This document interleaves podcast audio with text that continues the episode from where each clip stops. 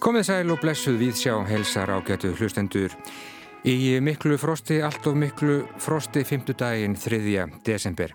Við höfum að hafa þetta einfalt í dag, fá til okkar höfunda með nýjar bækur, spjalla við á um bækurnar og já, kannski líka bara um daginn og veginn, frostið og myrkrið þess vegna. Við höfum komið okkur vel fyrir í hljóðstofu Ríkisútarsins nr. 9 í kjallaranum skamt frá Markúsar Torgi og Hingað koma rétthöfundarnir Marja Elisabeth Bragadóttir, ungur höfundur sem var að senda frá sér eh, aðtiklisvert eh, sagnasapn sem að nefnist Herbergi í öðrum heimi. Guðmundur S. Brynjólfsson sem er ekki bara rétthöfundur heldur líka djákni, hann var að gefa út skáldsögum sem að nefnist Síðasta barnið. Þetta er eh, sjálfstætt framhald bókana Eitraðabarnið og Þögglabarnið, áttunda skáltsaga Guðmundar sem að Einnig er verðlaunað leikskáld og þekktur pislahöfundur. Börkur Gunnarsson verður með okkur, hann er réttuhundur, bladamæður og leikstjóri og sendi á dögunum frá sér skáldsögu sem heitir hvorki meirinni minna frásaga Jóns Jónssonar af því hvernig á að ná árangri í starfi og engalífi, hver vil ekki vita það. Og síðast en ekki síst þá kemur hingað Elisabeth Kristín Jökulsdóttir, hún gaf á Dögunum út verk sem að nefnist Apríl Sólar Kuldi. Elisabeth tilnefnd til Íslensku bókmentaverlunana fyrir þessa bók. Það var tilkynnt í gær. En eh, við skulum bjóða fyrstu gestina velkomna. Þau eru búin að koma sér eh, fyrir hér í hljóðstofu nr. 9, Elisabeth Kristín Jökulstóttir og Börkur Gunnarsson. Velkomin bæði tvö hjartanlega. Uh, Elisabeth, þú vaknaðir í hveragerði en ert komin hingað tilnefnd til Íslensku bókmyndavelunana, hjertanlega til hafmyggi með það. Já, takk fyrir, takk fyrir. Þú lítur að vera glöð. Já, ég er bara mjög glöð og þakklátt og bara allur regnbói tilfinningana og að því að myndist á hveragerði þá verði ég að segja að þegar ég kom í rútuna þá var þar kona í, í hérna, skósiðum pels, svona eldri kona með hérna loðhúu og alla græur og hún þekkti mig gegnum grímuna og óskaði mér til Hamingju og svo tók ég leigubil hinga frá mjöttinni og þá var leigubilstjórin líka alveg með þetta á hreinu og Já. þannig að þetta fylgdi mér bara eins og perlufesti. Það þekkja þig allir Elisabeth og það barst nú uh, frétt af, af annari tilnefningu bara núna rétt áðan, það eru fjöruvelunin þar, er þú líka tilnefnd fyrir aprílsólar kulda? Já. Til haf mikið með það líka? Já, sópa að með tilnefningu. Já, nákvæmlega, hlaðið undir þig. Þessi bók, Elisabeth, uh, uh aprílsólar kuldi frásögnum ást og geðveiki og huggun, Já, það er rétt. Mér varst tímill komin að skrifa um huggun svolítið, það var að skrifa svo mikið um ást og geðveiki og dauðan hérna mm -hmm. og síðustu árum. Þetta er bók sem að, já, hún hefst á því að, að aðalsögu hætti hún fær uh, fréttir af andláti föður síns, þetta er kona sem heitir Vétís og um, svo kemur ástinn inn í spilið og, og, og, og geðveikin allt í réttir rauð Já. Og svo hugunin í lokin Já, sko. einmitt, ertu hérna þú byggir þetta náttúrulega einhver leiti á þinn, já, hvað er byggt að mann segja næfi og hvað ekki, ég veit það ekki en, já, en eitthvað ferður nú nálat sjálfur þér. Já, já, þetta er byggt á, á hérna, minni einn sögu og uh, ég skrifa þetta þó nokkur eftir að ég veiktist á geði og þetta hafði allt saman gerst og og pappi minn dó og þetta eh, kom í kjálfara því öllu saman. Og hérna já þannig að nú dætt ég út Já, já, það er hættileg, þú ert búin að svara þess en mér langar að spyrja þig Elisabeth sko að skrifa svona bók einmitt um, um svona efni sem er einhvern veginn alveg upp við mann. Upplifur það að það sé uh, nú skrifa menn af ymsum ástæðum en, en finnst þér það að einhverju leiti vera svona já, heilandi að, að skrifa nákvæmlega um, um, um þetta efni. Já, ég hugsa þetta bara eins og vísindamæður. Það er voða mikið um vísindamenn í fjölskyldinni, mm. Þóri Jakobsson og allt þetta lið, sko. Já, veðurfræðingur. Hérna, já, veð, veðurfræðingur og hafísfræðingur og ættfræðingur og ég veit ekki hvað og hvað, sko. Þannig að ég vildi nota svona að ég var svo harmi lostin yfir að veikjast og geði og uh, þannig að ég vildi vita út af hverju og mér fannst ég skrifa fyrst leikrit sem um þetta til þess að vita hvað hafi gerst mm. og, og líka þessa sögu til að vita hvað hafi gerst að því þetta var svo ræðilegt og, uh, og svo upplýði ég það að ég hafi fengið áfall þarna þegar pappminn deyr og svo uh, annað áfall þegar kærastinn yfirgefið mig og þá var, ég, þá var þetta svona áfall og ný áfall og þess, þá gæti ég fundið skýringuna á veikindunum fyrir utan að þetta er náttúrulega ramættgengt, bæpólar, geðkvörf. Já, einmitt. Þetta er bara, ég held að fóreldra mínir hafi verið með, hafi verið með þennan sjúkdóm og... og Báðir? Hæ? Báðir? Já, ég veit ekki, já, þú veist, þetta hafi verið í ættinni, ég veit ekki alveg hva, hvaðan þetta kemur, en þetta kemur frá allavega öðru kóru eða báðum. Já, nokkanlega. Ég held að við séum voða mikið bæpólur hérna á Íslandi. Já, bara gegnum gangandi. uh, Börgur Gunnarsson, uh, frásaga Jóns Jónssonar af því hvernig á að ná árangri í starfi og engalífi, segðu frá. Þetta er úr blagamannaheiminum og ég hérna, hafði rosalega gaman að skrifa hana, hún var þrís og fjórusun lengri þegar ég hérna, var í þessi skrifstræði aldrei haft ég haft gaman að skrifa svona, að því að þetta er svona bara gleð og glottbók sko, svona síðustu þreim bókum verið svona meira að reyna að þú veist, leysa einhver verkefni og fást við eitthvað svona sem kannski maður heldur að skipti máli í lífinu. Þetta er ekki á dýftina eða eitthvað djúft í henni þá er það fyrir slisni þetta er uh, gleðu og glott uh, svona bók uh, úr blagamannaheiminum ég vannar í tíu ár og þetta eru svo margar skemmtilega sögur sem eru þar og margar skemmtilega karakterar, þetta eru legends sem maður vann með. Mm -hmm. Jónasi Kristjánsinni Gunnar í Smára og Agli Helgarsinni og svo þessar frábæri dýfur Agnesi Braga og Kolbrunur Bergþó sem að ég vann með á mokkanum það var eindislega að vera einan um þetta fólk sko. Þannig að þú ert að vinna rétt eins og Elisabeth að einhver leiti úr, úr þinni, þinni reynslu skrifum heim sem þú þekkir skulum já, segja já. En hver er þessi Jón? Um, Andhetja sá ég einhver staðar skrifað uh, breyskur karakter mjög jú, jú, algjör auðviki hann er með rosa hann var hugmyndur um sjálf á sig en hérna, það er engin með uh, þannig hugmyndur um hann nema hann sjálfur og hann uh, já, stendur enga veginn undir þeim og er ótturlegu rævill en metnaði gert mjög og heldur hans í aðalkallin og, og, og konar hans að kærasta sem er ekki metnaði gert henni gengur allt í hægin mm -hmm. og fær strax mikinn fram að enda bara vinnusum og skinsam og með tölvirt hæra hérna, IQ heldur hann já. og hérna hann svona, já, hann er hún finnst heiminu verið á móti sér. En, hérna hann uh, á ekkert í neitt mikið meira en samt er ekkert ílt í hún þannig að hann hægt að halda smá með honum í öllum hans hérna misötnu tilurunum til einhvers frama sko. Fyrir lítur hann ekki algjörlega. Nei, akkurat. Nei, En þetta er fyrsta skiptibörku sem ég heyri réttöfund lýsa verki síni þannig að að hér séu ferðinni, já, bara nánast léttmeti og þegar ég hitti þið á kaffi vestum daginn já. þá sagður þetta við mig og mér brá að því að ég bara man ekki til þess að höfundur hafi rétt mér bók og sagt þetta er nú bara léttmeti þannig að mér þetta heiðalegt Já, þetta er algjörlega heiðalegt Þetta var, já, þetta er skemmtilegt að segja þetta en þetta er bara algjörlega þannig já. þetta var algjörlega hugsað þannig þetta var hugsað þannig einmitt að ég bara ætti mína gleðistundur við að skrifa þetta og ég vonaðist til að fólk fengi einhverja gleðu og glott stundir uh, í þessu stuttaferðalagi með um, þessu kjánapriki sko. Og, og, og þessu fólki sem þetta ekki væntum hann og er mikið gáðar en hann og er svona að reyna að hjálpa honum og, og hann er svo gjörsanlega vonlaus. Já, en þú hafðir gaman að skrifa þetta. Já, mjög svo, Já. ég þurfti síðan í lokin sko, ég kláraði þetta fyrir einu og halvu ára síðan sko, svo, svo vissi ég þetta var allt og langt sko. Og hérna þetta var, svo þurfti ég sko já, í landi hliðar, tók síðan tíu daga núni í voru og, og skar hana, skar tvo þriði úrinni sko, að reyndi að halda bara sem köplinn sem væri að, færa sögun eitthvað áfram, það væri ekki bara einhver svona gleði sögur mínar úr bladamannaheiminum heldur væri þetta sagan sem skipti máli. Og, og eftir stóð ekkit margar svona sögur úr bladamannaheiminum sem eru ekki að færa sögun áfram en nokkrum leiði að fylgja, ég meina að það er ekki hægt að skila þessari bók af sér öðru svona af góða lýsingar af Kolbrunnar Bergþórs og Agnesi Braga og þessum dífum sko sem maður er önni með sko.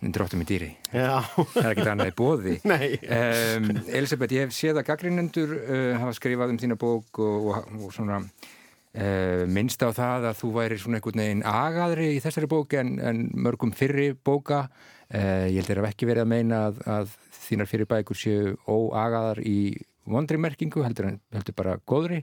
Um, Verður sammála því? Er þetta, er þetta rétt? Ég, já, ég enda að veita ekki að því ég hef líka heyrt lesendu segja þetta sé algjör rússipanna reið þessi bók sko, og sé svona skrifið í einum andadrætti þannig að, að já kannski skipta skoðanir. En þetta er kannski sko, það er vist dræfi í þessari sögu ef ég má, já, það, já. Hún, hún keirist mjög vel áfram sko, þú veist, það er, hún er mjög innbeitt, en, já, mm -hmm. það er kannski það sem að gera hann að aga það. Já, vildi ekki gefa okkur tóndæmi, Elisabeth, og lefa okkur bergi og, og hlustendum að heyra, heyra brot úr, úr apríl, sólar, kulda? Já, þú eru að gefa mig merki þegar ég er búin að lesa of lengi. Ég stend vaktina. Heru, það eru hérna tilengunar orð sem ég voru að hrifina af sem eru svona heiminum hefur verið gert svo margt vittnaði Jóhannu Kristjánsdóttur Fyrsti kapli Dáinn, dáinn hvernig gæti það verið? Hvað þýtti þetta orð? Hún skildi ekki orðið henni var gjörsanlega fyrir munað að skilja það það var eins og hún væri fáviti hún endur tók orðið upphátt og í huganum aftur og aftur dáinn en hún var einhver nær og nú var þetta orð farið að stjórna lífið hennar. Þessi saga er um unga stúlku á norðurkveli jarðar sem missi pappasinn og atbyrðina í kjálfari þess. Hún veikist á geði því hún getur ekki sínt neðin sorgaviðbröð. Hún verður ástfóngin eftir dauða föðurins og kynni stópi í leðinni. Þegar kærastinn fyrir frá henni sínur hún heldur engin sorgarviðbröð, geðveginn nær tökum á henni því hún hefur fengið áfall ofan í áfall Fyrst mist föðurinn, svo kærastan. Sjúkdómrennar er sennilega meðfættur en brist nú fram. Og hver veit hvort það að hún stendur á þröskuldi fullorninsárarna hefur sín áhrif. Hún vill ekki fara með barniðin í fullorninsárin því fyrst þarf að næra og hugga barnið, benskuna. En hefst nú sagan. Þetta er svona ákveðið trygg sko að segja um hvað sagan er í upphafi sögunar. Það býða skilabóð til hennar millir hára fjalla um að ringja heim. Þegar hún kemur heim með litla strákin sinni farið að kvölda, hún hafi farið í skólan eins og venjulega morgunin og fjöllin sem umlugtu plássið voru jafn há og venjulega. Stundum satt hún í stól í stofu og þriðjuhæði við sjóin og eina sem sást út um gluggan var fjallið og hafið. Fjallið var ótrúlega stöðugt og það myndi alltaf vera þarna. Sjórin sildi hjá í misjafnir byrtu millir húsins og fjálsins. Hún gæti setið aðna til eilíðar með grátt grjótið og blátt hafið fyrir augunum og hún gerði það stundum. Fjallið var á hreyfingu, hafið var stöðugt, fjallið og hafið voru eilíf og hún trúði ekki á dauðan.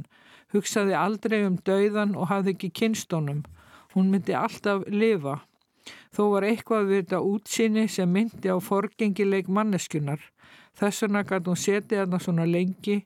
Hið eina sem manneskinu var mögulegt að skilja eftir sig voru minnismerki og nýjar kynnslóðir. Hún hafi farið með litla strákisinn til dagmömmunar eins og venjulega. Hann var tveggjára og þau byggu í tilkomi mikillir leigu íbúð kaupmas ekku sem hafi yfirgefið plássið eftir að maðurinn hennar dó en kom við og við í dularfullar heimsóknir. Pappennar hafði komið í kring að hún fengi íbúðin á leigu gegn því að velrita minningagrein sem ekki hann hafi skrifað um vinkonu sína. Það var hátt til lofts og vitt til vekkja, margir stórir glukkar gerðu íbúðina bjarta og konunglega eldúsi var blá málað og í því risastort borð sem mátti gera allt við. Piano í stofunni og baðker og ljónsfótum í baðherbyrginu. Á neðri hæðinu var eigðivestlun sem kaupmasjónin hafði átt og þegar hún helt parti lættustu niður og skoðuðu lagarinn. Undarlega fín efni í ströngum með gamaldags síkildum minstrum og skrautlega tölur og gulnuð auglýsingaspjöld. Þegar hún vildi kæfta ein við einhvern sætan strák stunguðu af henni lítið herbergi inn á íbúðinni og samkvæmið helt áfram af sjálfu sér og efrihæðinni, keirt áfram af orku sem laud eigin lögmálum. Á hæðinni fyrir ofanana var vegagerðin til húsa.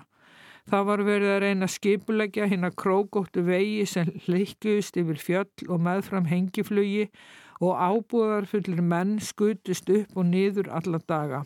Henni fannst gott að hafa vegagerð í húsinu sínu. Takk fyrir það kærlega Elisabeth Kristín.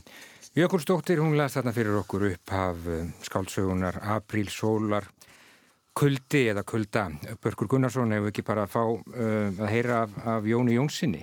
Jú, beinu framaldi. Tóndæmi. Já, tóndæmi. Herði, ég bara byrja á byrjuninni hérna. Uh, Leikillin að góðu sambandi er að vera ekki einlegur og alls ekki maður sjálfur. Við erum alls svo misetnaðar útgáður af manneski að það er ekki á borðbeirandi. Við Sara vorum aðeins búin að vera saman í nokkra daga þegar ég spurði hana hvort hún var í svöng, hvort ég ætti að elda fyrir hana. Hún sagði já. Hvað vilt ég matinn, spurði ég. Gerði bara nákvæmlega það sem þig langar í. Mmm, hugsaði ég með mér. Og fór síðan að elda fyrir okkur það sem ég langaði í. Hamborgara. Ég Þegar ég kom með stektan hambúrgara með osti í brauði og engu öðru að þá starði hún forviða á matin á disknum sínum, leitt síðan í augun mín og spurði, býtu er ekkit á honum? Nei, þetta er best svona, finn, þá finnum maður ost og borgarabræði best. Undrunin í augum hennar breytist skjótt í pyrring. Ertu með einhverja sósur að græmmeti í ískapnum? Uh, nei.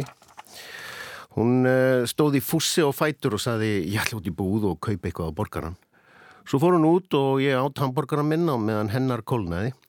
Ég var svo sem búin að læra það fyrir löngu en gleymi því alltaf að þegar fólk segir manni hafa þetta nákvæmlega eins og ég vil þá meinar það hafa þetta nákvæmlega eins og veist að ég vil hafa það. Og ég ætla að skoppa hérna aðeins yfir nokkra síður til þess að svona, hans eh, aftur á honum hérna Menn segja að vinnu sem er sér hægt að ná en menn vinna við það sem er skemmtilegt. En vandamáli er að mér finnst ekki skemmtilegt í þessu lífi nema að leggja upp í sófa eða leggja á brjóstum kjærastunum minnar. Ef ég hefði fæðist inn í ríka fjölskyldu hefði ég örglega ekki nefnt að klára sjórabekk, heldur keft mér nammibúð og verið þar þannig til ég komst á fullarins árin, svo keft mér bar og búið þar fram að því að ég dræpist. En þá hefði ég komið mér fyrir í vel innrættari líkistunni með góðum púða undir hausinn og sjómarp í gangi við fætur mína og notið þess að liggja þannig til eiliðar í einhverjum kúl kirkjugarunum. Mér voru að hugsa til þess á lögadaginn síðastað þegar ég vaknaði að snemma og ætlaði að vinna en tóku endanum upp bók til að lesa, hugsaði með mér. Það sem kemst næst í að skrifa er að lesa. En svo nefndi ég því ekki og fór út á svalir og velti fyrir mér göngutúr. En svo nefndi ég því ekki og laðist í sófan. Kvekti á sjómorpinu og var halv fúll yfir að það væri ekki komið kvöld þannig ég hefði lögmæta afsökum fyrir því að liggja í sófanum og horfa sjómorpið. Lásand áfram í sófanum en var með eirun og hæg alert því ef ég myndi heyra í söru koma gangandi upp tröppurnar ætlaði ég að stökka að tölfunni áður en hún opnaði dyrnar og þegar hún kemi inn ætlaði ég að tegja um mér og segja ah, hvað þetta var góðu vinnudar, nú að ég skilið að leggja staðins í sófan og horfa á sjónvarpið. Það var eitt slíkan erilsaman dag sem ég náði að stökka úr sófónum og að skrifborðinu og tegja úr mér þegar hún kom og rosa, og rosa sjálfur mér fyrir döglegheitin að hún sagði, herruðu, auðvitaðningisfránandi hafði samband við mig og bauð mér að vera í teimi saminu þegar hún hafði kostninga eftir liti Tatsikistan. Ha, akkur hringdi þeir í þig, spurði ég á meðan ég hugsaði, akkur var ekki hringdi mig. Þeir ráða við staðala bladamenn í þessi störf, spurði þú ekki ákveð þig? Nei, ég er ekki vönd því þegar ég fæ góð tilbúða að fara í þriðu gráðu yfirherslu með vikandi um hvers vegna í ósköpunum aðilónum finnist ég svo rétta. Það væri ansi komplexuð viðbröð. Já, en ákveðu byrjaði ég þriðja skiptið með beturð í röttinni en náði með smá higgi að breyta tóninum og merkingunni ákveðu ekki fyrr, ætti maður að segja. Þú ert búin að standa þig vel, það vel að eftir að tekja í samfélaginu. eins og þið heyrið þá eru þetta komplexaðar karakter. Mm -hmm. öfinsjúkur Já, fann ekki beðast afsökunar honum líka. En hérna það stýttist í þessu hjá okkur. Um, Elisabeth, þú ert búin að koma þér fyrir í hveragerði veit ég, hvernig verður hvernig verður þessi, þessi aðvenda skulum vona að verði ekki kallt allan tíman Já, meni, ég er bara fyrir gróðurhúsið mm -hmm. og mhm. horfa á alla jólastjórnunar og Frábært. Já Þannig að svo er bara gólfheiti í húsinu og ég er að kynast því þannig að þetta er, ég held ég verði þetta, þetta verði svakalega rólega aðvenda og, og Var bara... engin gólfheiti í bestu bænum þetta er bara nýtt. Þetta er alveg nýtt og gólfheita Tekur þú bara rútuna östur eftir bara rétt Heru, á eftir? Já, ég er með þjóðvega kvíða. Já, en að fína bíl og keira hann bara í bónus. Þjóðvega kvíða, hérna, já. Ég er að punta þetta niður bara. Já, ég vektist að kvíða í janúar og ég hef verið að fá bata af því sko. Ég þorði ekki út í búð og ég þorði ekki að setja í póka eða neitt. En núna er bara eftir þjóðvega kvíðin sko. Þannig að ég er markmið er að keira á selfos Já, ég ætla að muna þetta orð en, en Börskur, þú, þú beitir uh, nýstaflegri aðferði við, við markaðsetningu þinnar bókar og hún fels nú einfallega í því að, já, við getum kallað hana bara maður á mann, er það ekki? Jú, COVID maður, ég laðist nú í þunglindi að þurfu ekki, eða sko get ekki farið að lesa upp fyrir fólki í hópum mm, og þú veist, Einar Kára og Arnaldur Indra þurfu ekki fara fram úr á, á mótnana til þess að selja sína bækur en ég hef alltaf þurft að svona handröka þetta með því að mæta á allar samkomur og lesa upp og, og selja þá einhver eintök. Nún er það ekki hægt, Nei. en þá bara, æ, ég laðist nú í algjör þunglind og ger ekki neitt í nokkra vikur gaman að þessu þannig að ég fór í svona one and one bara hitta fólk, Já. selja. Hérna er einn bók, tvekja klukktíma skemmtileg spjall. Þetta er kannski Maður bara heilbreyðara, kannski er þetta bara framtíðin. kannski, þetta er mér sko búin ógeðslega gaman. Maður er hittað þrjá eh, fjóra einstaklingar sem er ógeðslega spennandi og skemmtilegur, maður er alltaf langað til að hitta og maður er með afsökun og, og hérna ógeðslega gaman að spjalla við. Já, Já, ég var að gera þetta í melabúðinni sko, þá fekk maður bara setningar inn í næstu, næstu Já, bók já, sko. ekki, einmitt. Fylgist þið vel með því sem er að koma út? Eða eru þið bara með nefið ofan í ykkar?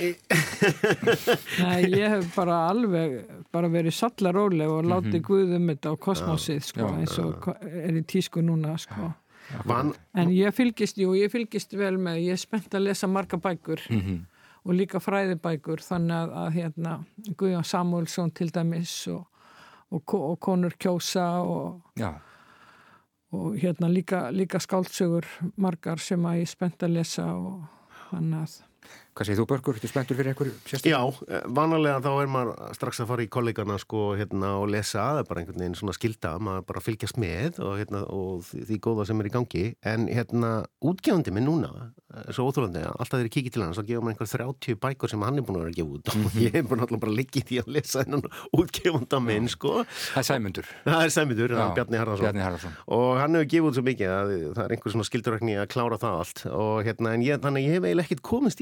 Hann er ég, ég kollega mína, ég er til dæmis búin að heyra frá öllum hérna, bókin þín, Elisabeth, sé frábær og ég bara hef ekki ennþá komist í hana.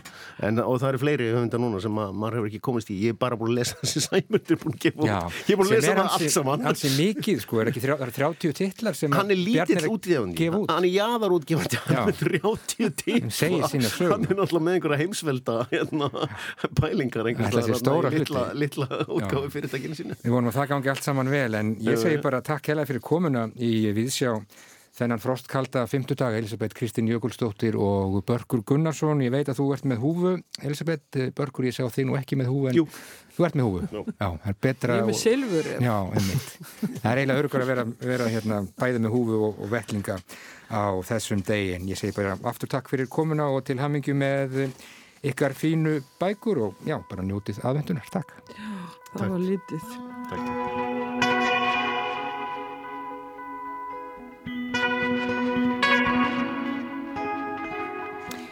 Já, við höldum áfram með bóka viðsjá á fymtu degi. Komna nýjir gestir í hljóðstofu númer nýju, velkomin Marja Elisabeth Bragadóttir og Guðmundur S. Brynjólfsson og til hamingju með ykkar bækur hjartanlega. Marja Elisabeth, hún sendi á dögunum frá sér sagnasapn sem að heitir Herbergi í öðrum heimi. Þar sem hún skrifar og ég vitna af öryggi og innsæjum þrá fólks eftir tengslum og uppgjöri. Þetta er bara beint af káputeksta og þetta er reyndar rétt. Og Guðmundur, hann var að loka þríleik með skáldsögu sem að heitir Síðasta barnið. Þetta er sjálfstætt eh, framhaldverkana Eitraðabarnið og Þögla barnið. Já, velkomin bæði tvö Marja Elisabeth eh, Herbergi í öðrum heimi. Þetta er þín fyrsta bók. Ég spyr þig bara beint út hvaðan kemur þú og hvaða reykur þig út í það að skrifa skálskap? Já, takk. Um, ég, ég hef bara alltaf verið að skrifa sko og ég lærði reyndar heimsbyggi og meðfram heimsbyggináminu þá var ég stundum að skrifa svona pistla, ég var að skrifa pistla í fréttablaði svona bakþanga og svo skrifaði ég smá fyrir útvarp 101 og mér var búið að skrifa, að lesa upp pistla þar og þá spurði ég reyndar hvort ég mætti frekar hérna að lesa upp smásögur af því að mér hefur bara alltaf fundist mjög skemmtilegt að a- að semja eitthvað svona og hef alltaf verið að því sko Já. en þetta er samt fyrsta bókin mín sko Og þú ert reykvikingur? já, Já. ég bara ólst upp í Vesturbænum Mm -hmm. og, og kannski hérna eru sögurnar svolítið svona það gerast aldrei í Reykjavík og þetta sé kannski ekki, ég veit ekki hvort ég myndi eitthvað segja þetta var einhver svona Reykjavíkur sögur eða eitthvað þannig en Nei. uh, getur þú sagt mér svona bara mér og hlustundum bara svona í stöttum máli svona hvað Já, um hvað þú ert að skrifa, hvað, hvað hérna kvílir þér á hjarta?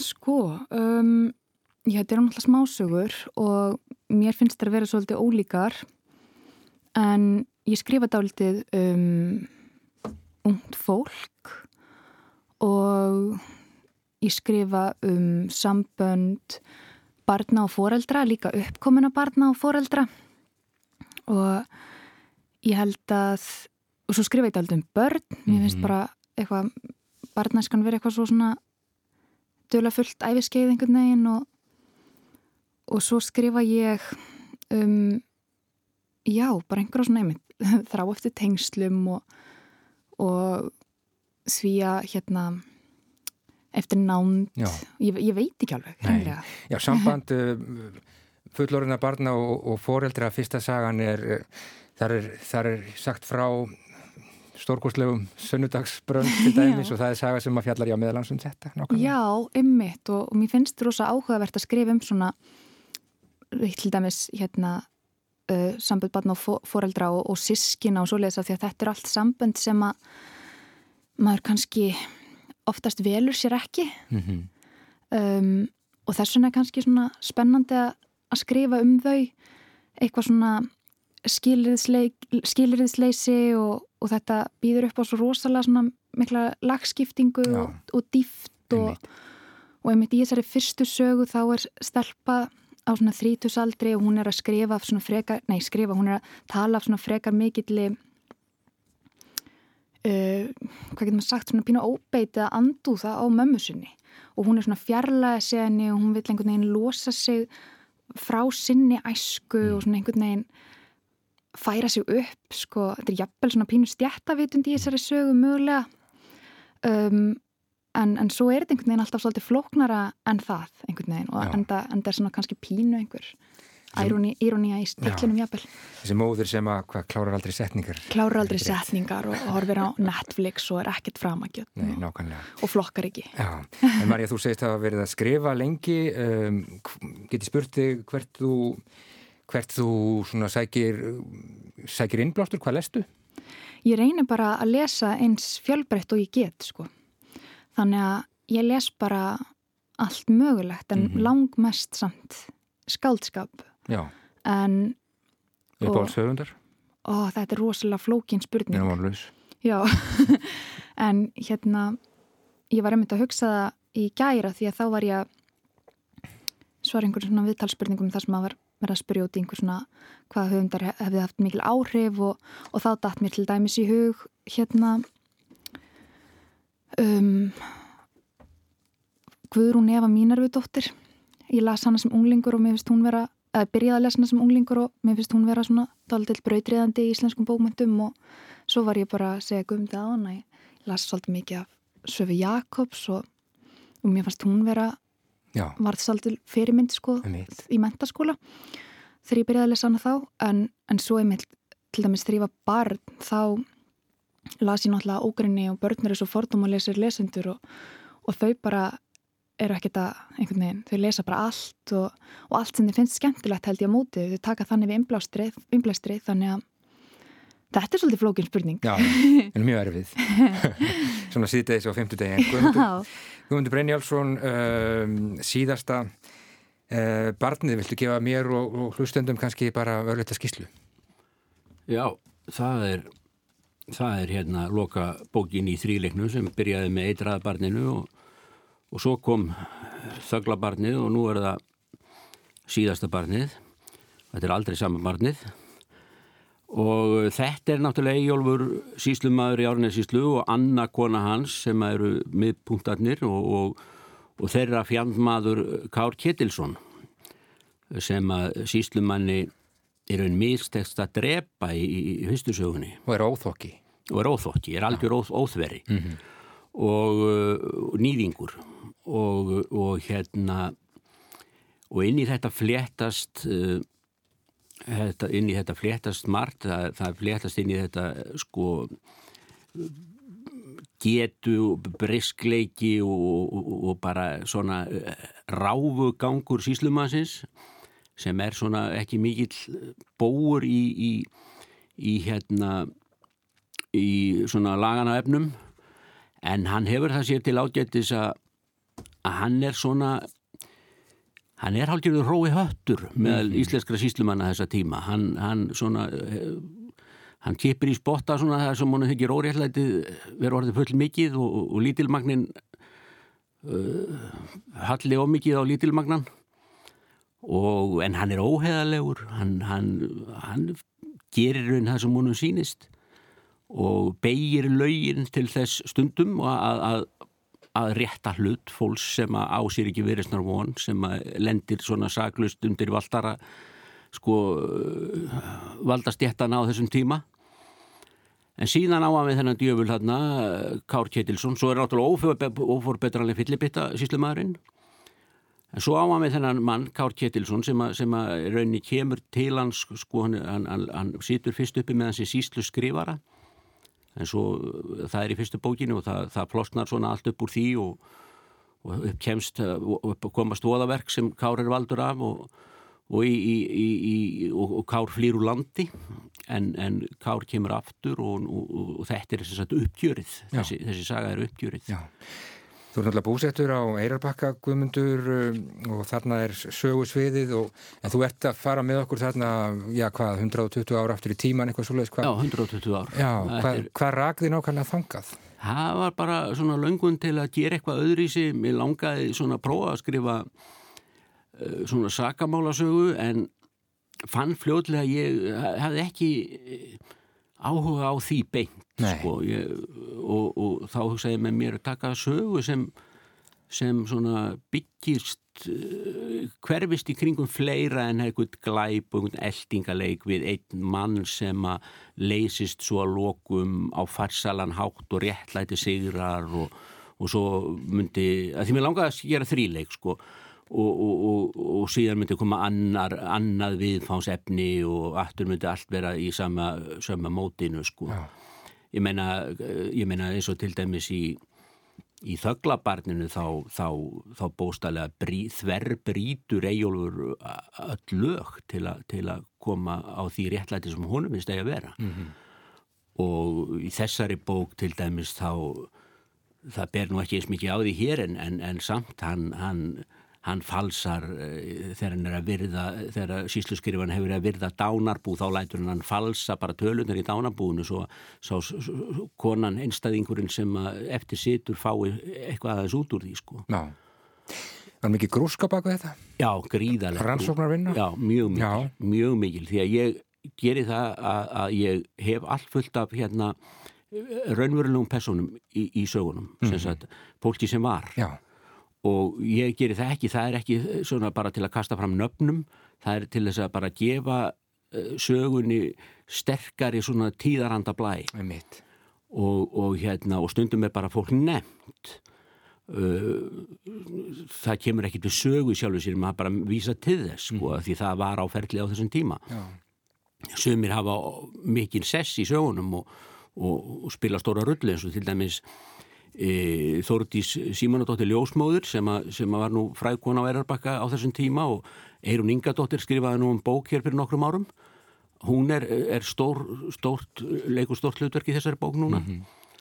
og, og hérna Egert Sifússon sem var prestur í Strandakirkju hann var í fyrstu bókinu og stýtur svo aftur upp kollinu núna sem var raskaplega kátleg persóna og sérstök í lífandalífi og, og, og, og svo leiðis mætti lengi telja en ég er fyrst og fremst að, að, að reyna að draga upp einhverja líka svona bara uh, mannlífsmynd frá þessum tíma ja. og sína fram á stjættaskiptingu, misrétti og nýðingskap gagvart þeim sem ekki gáttu bórið hönd yfir höfu sér. Mm -hmm. Ertu hrifin af þessari bókmyndagreinu söguleg og skaldsóni? Já, mér finnst hún, hún, hún skemmtileg, svona, ef maður passa sig á því að festast ekki um of í einhverjum sko að njörfa sig ekki við að vera endilega að segja einhverja sanna sögu sko. Ég, ég myndi ekki nenna að, að skrifa skálsögu um einhvern mann eða konu sem og ég mætti ekki eitthvað vikja frá sannleikanum sko. Nei, það er ómulegt. Það er ómulegt og það, þá er bara betra að vera bara í einhverju sakfræði en ég hef, valdi mér ekki sakfræði sko. Nei. Sýnum tíma. Nú fórst aðra slóð. Já. En...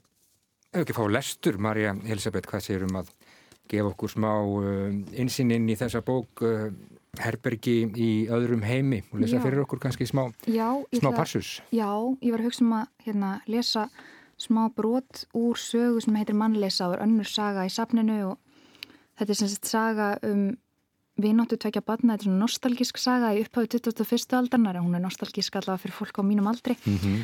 og þetta er sagt saga tvekja badna en í frá fyrir eitthvað ólíkum heimilum og þau heita hérna uh, Þórun og Marino Sofía, mammans Marinos og Marino flytja í blokkina til Þórunar og hann er sagðan vinóttu en vinóttu tvekja barna en svona í bakgrunni eru samskipti og samband fóreldrana og og hérna þannig að það eru undirleikandi svona, það er undirleikandi svona starri lífsbyggileg spurning. Mér langaði svona að skrifa um kannski um heilindi og, og, og hvað fælst í því að vera sönn og alvöru manneska ef, ef svo móðu komast, en já, ég ætla bara að lesa. Hljómarvel, gerð svo.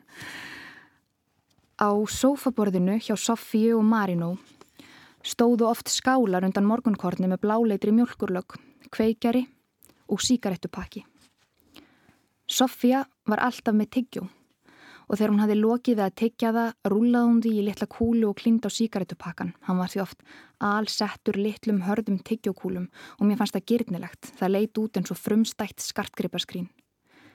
Þegar ég svo mikið af flottum hlutum, saði ég lotningar full, handlék síkaretupakkan og bankaði með nögl í gummikenda kúlu. Þú ættir að sjá húsið hennar rannvegar mömmans pappa, Við mamma hefum farið í bíltúr á húsinennar, risa hús, höll. Hefur aldrei farið inn til ömmuðunar, spurði ég gáttuð. Sjálf átti ég ekki afa og ömmu á lífi en viss að þetta var einkennilegt. Nei, bara kert framhjá, saði Marino og lifti brúnum eins og spurningin var í kjánaleg. Ég sagði í hálfgerðum umvöndunar tón að hann ætti að fara í heimsótt til ömmusunar, ekki bara keira framhjá. Marino horfið þögull á mig eins og hann væri ekki aðeins að ígrunda réttmæti yfirlýsingarinnar, heldur fyrst og fremst að hugsa hvernig hann ætti að bregðast við henni. Loks kinkaði hann kolli til málamynda, ósanfærður en kurteis. Það kom á daginn að Marino var ekki í neinu sambandi við föðurfjölskyldu sína. Hann þekkti ekki pappa sinn og hafði ekki hitt hann síðan hann var smábann. Hann hjælt þó upp á Bánsa sem var gjöf frá honum. Bánsin var í lauruglubúningi með gildum nöppum og bar enkenishúfi með kvítum kolli. Ég fjekk hann þegar ég var tveggjára, saði Marino hátilegur. Lauruglubánsinn satt óhrefður og virðingarstað og hillu fyrir ofan rúmið. Marino var of gamall til að leika sér með tuskudýr en auk þess var bánsinn meiri ætti skraut en leikfung. Mér skildist að pappi Marinós ætti aðra fjölskyldu, aðra konu en Sofíu og önnur börnin Marino en ég þorði ekki að spyrja nánar út í það. Marino sagði mér að ammans væri moldrík og gömul en líka nísk. Því ríkara sem fólki er því nískara er það, bættan við. Á milli augabrúnana var djúben stutt áhyggjurrukka eins og túspennastryk. Okkur fannst þetta báðum þungbær sannleikur. Marínu átti líka ömmu af í Danmörku. Þau voru íslensk þó að þau byggja ekki á Íslandi. Áður hefðu Marínu og mammans búið hjá þeim, þá bygguðu líka í vesturbænum. Svo fluttuðu til útlanda og Marínu og mammans flutti í blokkina mína. Eru þau líka rík? spurði ég áhuga sum. Nei, þau eru fátæk og við mamma tölum ekki við þau lengur, svarðan fullorðinslega. Ég sá þau fyrir mér eins og teikningar í bók með sögum Hási Andersens. Rauðnefjuð og grindtóruð gamalmenni, amman með öllar sjálf á kýttum herðum og afinn berfættur í treklósum. Þegar við Marín og legum okkur heima hjá honum fór Sofía stundum út á svalir, hún satt á klappstól, vafði ljósbleikri hettupeisu þjættum sig rikti og skissaði litla teikniblokk. Hún teiknaði í því sem hún kallaði mangastíl. Út um alla íbúðla og japanskar myndasögubækur með mangateikningum þar sem fólki var allt háfætt og mjótt með gullfiskaug og pínu litla nappa fyrir nef. Stundum rissað hún upp myndir af okkur Marino. Hún gerði mig fallegra en ég var í raun og veru. Augun voru í fárónlegum hlutföllum við afgangin af andlutinu. Hárið mitt sem í raunveruleikanum var þund og litlust, bylgjaðist þygt og munúðar fullt niður að mitti eins og bráðið gull. Ég er ekki svona sætt, sagði ég hóvær. Jú, það finnst okkur Marino, sagði Sofía. Hún bauði mér einn svona borða kvöldmat með þeim mæðkinum. Hún sögði vatn í pott og gróf spagetti brif upp úr skuffu. Hún ætlaði að laga spagetti með heimagerðri tómatsósu. Áður hún heldi kveiti lengjónum í pottin, spennt hún upp dós af niðursonum tómutum og tæmdur hann í minni pott. Við það gauðs upp reykur og hræðilegt snark. Marin ústumraði áhyggjufullur í kringum mömmu sína, sósan brann við. En Sofía dó ekki ráðalös, heldur heldi morgunkotni í þrjár skálar. Síðan var spóla sett í tækið og hljóðið stilt á hæsta styrk en svo í bíu. Ég var alltaf að suða í foreldrum mínum um sjóppuferðir.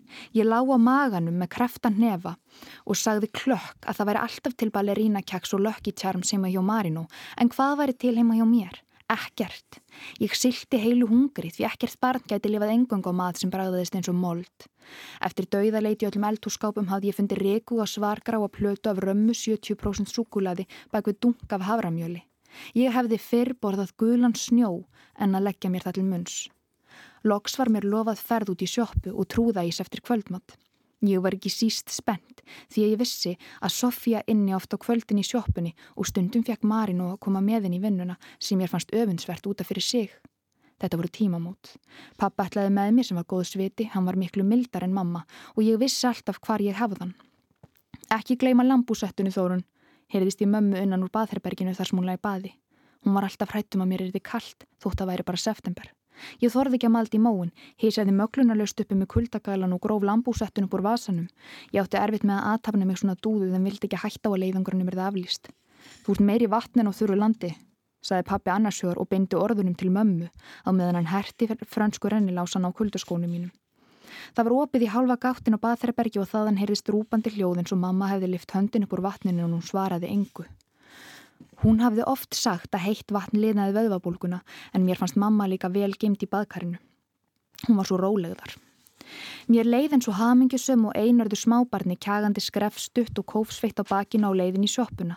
Í skíni ljósastöruna var skóllit að hárið á pappa silfrað og útur okkur feðginunum stóðu gufuski í myrkrinu. Pappi var í kragalösum leðurjakka sem var í uppáhaldi á mér. Mér langaðan fengið sér fleiri gæjaleg född, til dæmis hettupeisu, svo hann er þið unglegri. Mér til mikillar gleði var engin í sjoppunni fyrir utan Sofí og Marino. Þetta var í fyrsta sinn sem ég fór með pappa á vídjólegu og ég var feimin fyrir hans hönd. Mér fannst hann ekki passin í umhverfið. Hann virtist svo gamall, vísin og umkomulegs og millir spólurekkana og undir gljáandi plaggutum af hálfberum konum sem mynduðu skambissur. Ég vafði handlegjum um fótleikin á hann um svona eitt erfitt um gang. Pappi hálf rasaði að búðarborðinu. Bak við þess að Marino sem flegði frá sér andresblæðum leið og hann sá okkur. Pappi bað Sofí um eina með öllu þó að við værum búin að borða kvöldmatt. Sofía var með rauða flauilispöngi hárinu og hlóa meðan hún veitti pilsu úr gulleitum vökva og stakk í brauð. Böksundan hennar voru grænar með kamúflasmunstri og hengu lausar rétt ofan við lífbennið. Refa milli hættupeisunar og buksnastrengsinn síndi mjölkur hvita rönd af berri húð. Ég horfi í leiðslu á glitrandi litla silfurkúli við naflan á henni. Sofía dundaði sér lengi við að setja sinnebið á pilsuna og þegar pappi tók við henni fór hann að hlæja. Hún hefði skrifað nafniðans með sósunni eða svo langt sem pilsan náði, Eyjó. Ég fekk trúða ís með blári hættu og smartisnefi. Á heimleðinni suðaði ég í pappa gera þetta hefð og ég sá að hann brósti eirnan á milli. Já, takk fyrir það, Marja Elisabeth Bragadóttir að lesa hér úr sagnasafni sínu eh, herbergi í öðrum heimi. Viltu segja hlustundum hvað þetta herbergi er eða, eða bara býða með það? Ó, oh, hérna. Kvílum það eins Já, bara fyrir þá sem lesa. Nákvæmlega. Uh, Guðmundur, hefur við að fara kannski í beinu framaldi bara 120 ára aftur í tíman eða svo? Já. Ég ætla að lesa hérna tvo stuttakabla og sem er, ég þarf að hlaupa aðeins yfir til að fylgja, fylgja fyrir, fyrir, fyrir það sem ég les eftir. En fyrirkablin heitir Maður kemur úr grafningi november 1902 Ingólfsfjall er ekki merkilegt hrúald nema kannski fyrir þær sakir að það rinur stöðugt úr því grjót. Niður misbrattar hlýðar þess velta nánast linnulust allar mögulegar stærðir af grjóti, steinvölur jæmt sem með mandar á spjörg. Svo má kannski geta þess, þó ekki sénema í framjáhlaupi, að gríðanlegur fjöldi hrafna hefst við í fjallinu á veturum og telja kunnugir að hverki á Íslandi sapnist saman annaðeins hrafna ger og í Ingólfsfjalli. En hvað en það? Sjálft fjallið er nauða ómerkilegt og ólögulegt. Fram með fjallinu rýður maður. Hann er á leið úr grafningi til eirarbakka og er einhesta. Karl þessi fer hægt yfir og kemur þar tvent til. Kauði er frámunalega lélegur hestamaður og svo hitt að hrossið er döpur byggja sem lifir af gömlum vana og til að kóróna allt saman heitir merin lött. Maður þessi er alls ekki úrgrafningi, heldur var hann þar að ráðgast við bróður sinn, því þessu manni sem er ofan af skeiðum hefur verið gerður sá óleikur að frá honum hefur verið stólið. Hann hefur verið rændur. Slíkt ólán hefur ekki dunið á honum fyrr og þess vegna hefur hann ekki hugmynd um hvert hann á að snúa sér í sinni verallegu óhamingju. Við hreppstjóra skeiðamanna ræðir hann ekki og valda því óafgreitt kvennamál frá því báðir voru ungir menn.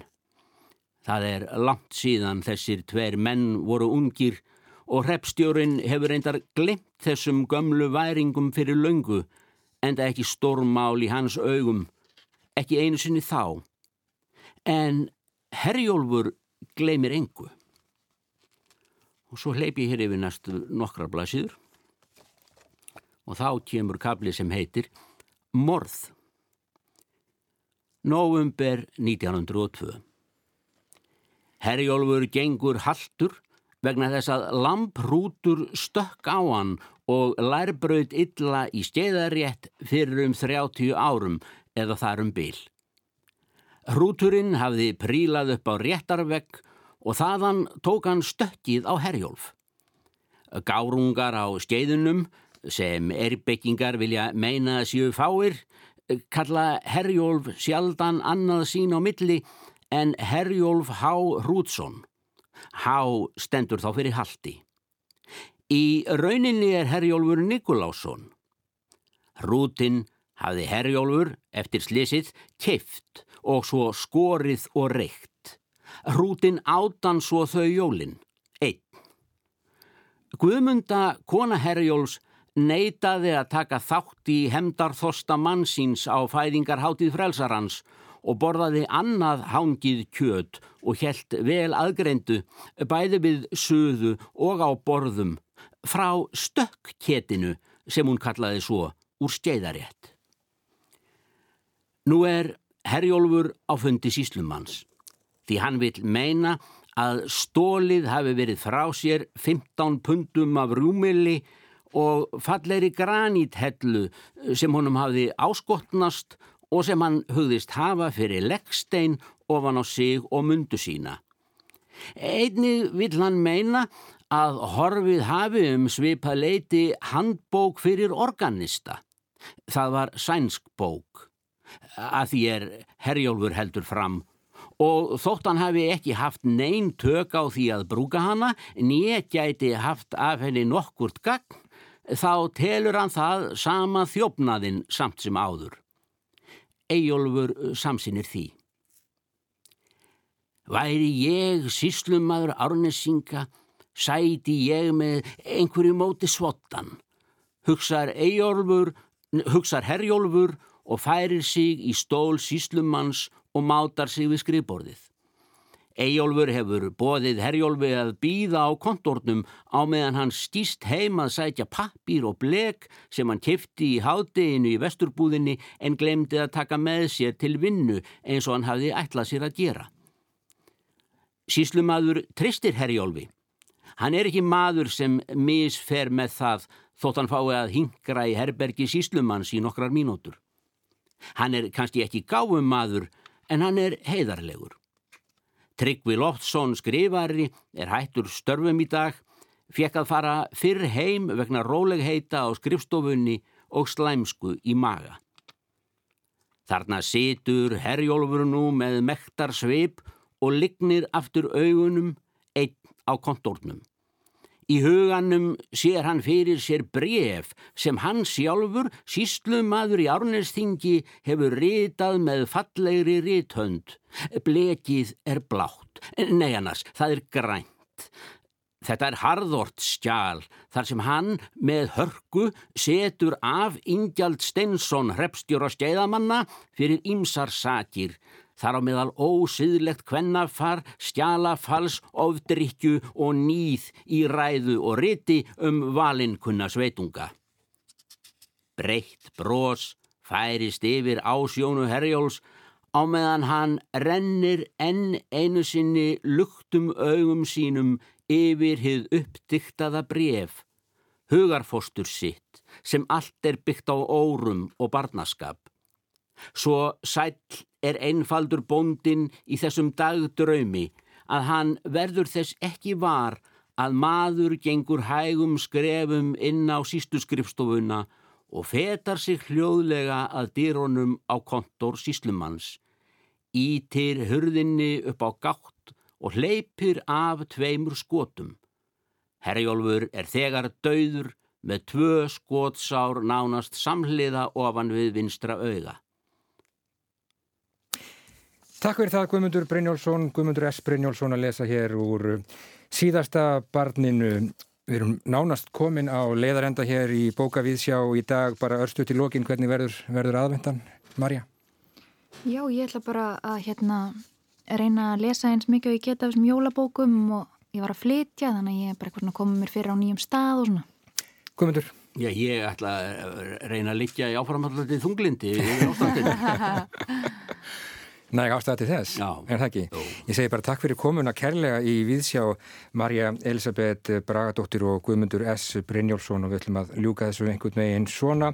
Bóka Víðsjá á fymtudegi í miklu frosti, allt og miklu frosti. Bækur halda áfram auðvitað að koma út og vonandi finna allir eitthvað við sitt hæfi, ekki vantar fjölbreytnina.